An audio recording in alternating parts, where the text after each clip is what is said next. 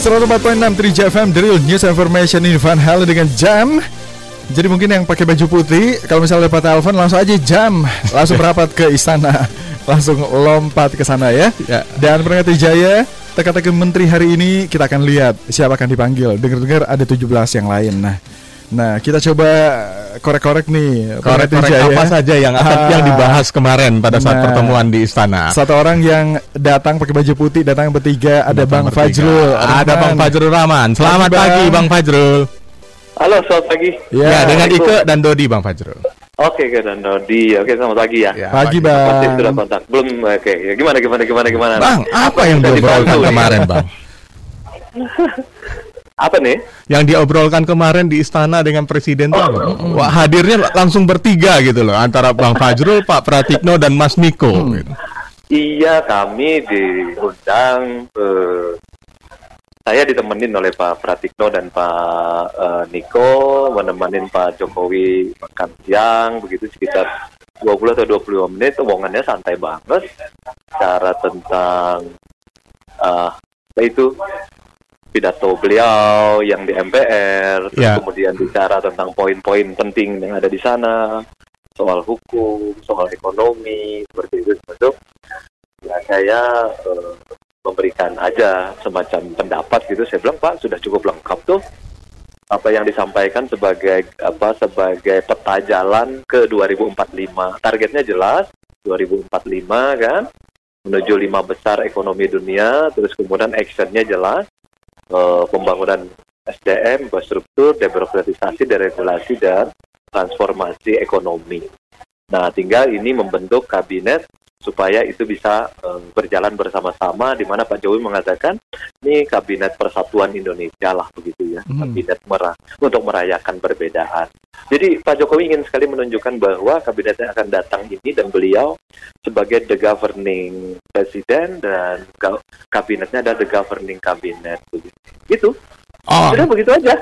Iya, dari obrolan santai 25 menit sambil makan siang hmm. itu cukup menarik. Ya. Kira-kira dari sebelum uh, Bang Fajrul dan Pak uh, Pak Praktik dan uh, Mas Niko datang itu kan sudah ada beberapa tokoh yang sempat hadir ke istana. Ya. Ada obrolan nggak terkait dengan itu, Pak? Mungkin minta masukan atau hmm. saran hmm. atau Enggak ada tuh.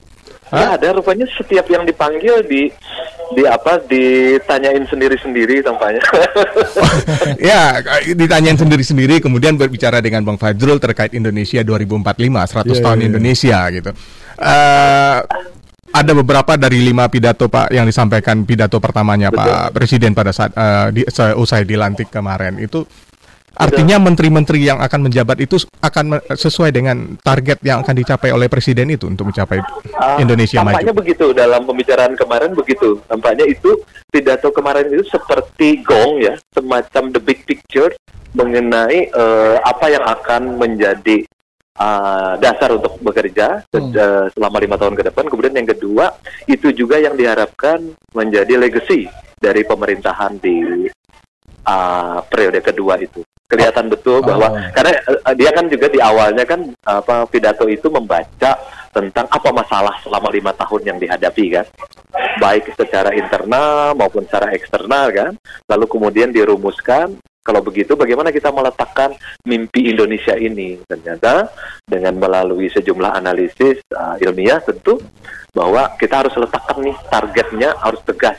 Jadi first thing firstnya itu tegas 2045 lima besar ekonomi dunia. Kan begitu. Oke, okay, dan itu masuk di dalam uh, poin kelima yang transformasi ekonomi iya, dari uh, sumber daya alam menjadi ke ekonomi digital dan uh, uh, ke iya, ekonomi iya, digital dan uh, manufacture. Kelihatan. Uh, jadi kelihatan kan dari yang dipanggil itu umumnya adalah diupayakan menuju uh, kemajuan hmm. di arah pengetahuan, di arah teknologi, di arah ekonomi, ekonominya kalau melihat apa tim apa itu yang milenial ya menteri milenial yang kemarin kan yeah. kelihatan ada Tama, ada Nadim, ada Erik kelihatan kan bahwa yang dimajukan ke depan itu adalah betul-betul ekonomi yang berbasis kepada kreatif begitu digital kan seperti itu. Yeah. Jadi betul-betul menyongsong masa depan untuk uh, dengan memakai semua kekuatan-kekuatan uh, teknologi yang ada, kekuatan ekonomi yang ada seperti itu. Jadi saya diajak bicara begitu aja, terus kemudian beliau mengatakan uh, jadi bersedia uh, untuk apa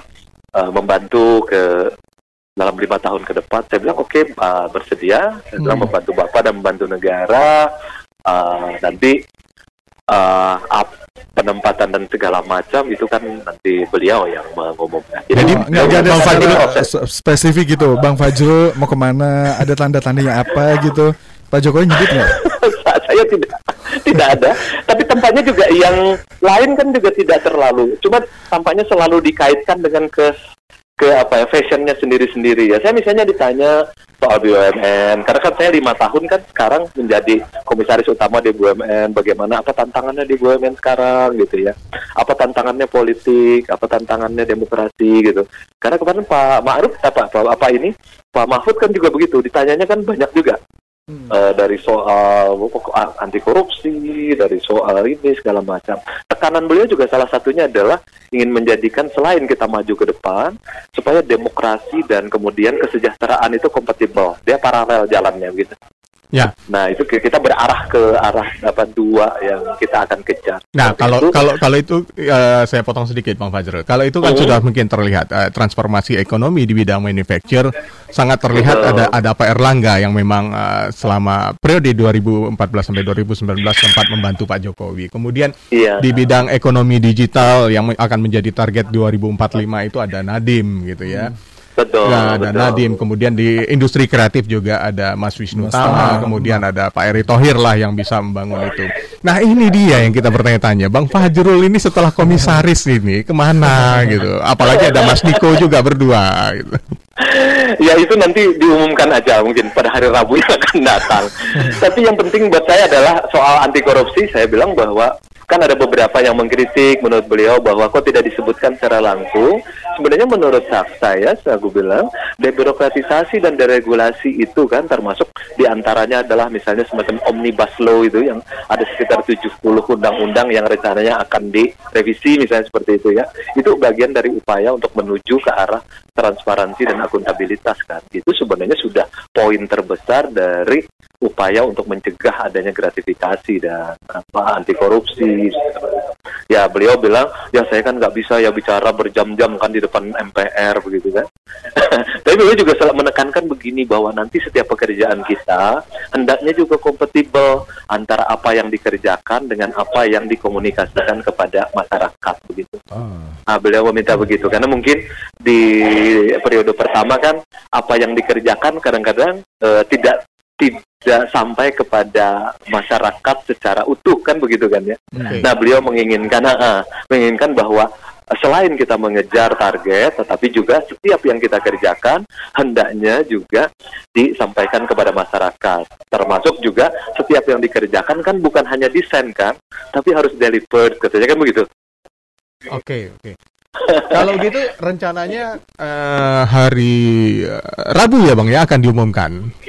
Iya, ya dan hari-hari betul hari Rabu tampaknya akan diumumkan. Saya tidak tahu persis eh, Rabu itu pagi, siang atau sore, tapi paling tidak proses ini akan terus berjalan dari kemarin, hari ini sampai besok tampaknya begitu, dan semuanya eh, eh, tidak diberitahu secara langsung mengenai nomenklaturnya, juga eh, orang menduduki yang mana, tetapi beliau eh, selalu memakai dalam pemahaman saya kalau melihat dari eh, apa eh, um, pengu- apa eh, apa yang disampaikan oleh para orang-orang yang dipanggil itu umumnya hampir mirip tuh. Karena semuanya berkaca kepada apa yang dipidatokan di MPR kemarin. Tampaknya begitu. Kapan rencananya Pak Wapres kembali dari Jepang Bang? Bang Fajrul? Selasa malam atau Rabu pagi ya Oh oke, Bisa artinya mengumumkan tuh. sudah ada Pak Wapres. Iya. Ah, ketika Pak Wapres datang, nah Hmm. pelantikannya tampaknya eh, ketika eh, mereka ber, apa Pak Jokowi dan Pak Ma'ruf Amin ada di tempat, tampaknya Oke. begitu. Baiklah, itu yang kita tunggu. Terima Baik, kasih, terima kasih Bang banyak Fajrul. ya. Terima kasih. Terima kasih banyak, terima kasih banyak. Mudah-mudahan bermanfaat ya. Ya, Yo, selamat pagi Bang. yo. Itu Fajrul Rahman ya. Dan ini ada yang tanya, Dot, Mas Ike, itu Bang Fajrul yang aktivis dulu bukan? Iya. Ya Itu betul. orangnya kan? Betul. Bilang sama dia, kalau KPK dilemahkan dan korupsi merajalela, maka mimpi 2045 akan benar-benar jadi mimpi beneran katanya. Oke, oke, baiklah. Terima kasih. Yang lain silakan di sini ya. Di 0812 111 1046. Kita punya Gigi dengan janji menemani pagi Anda.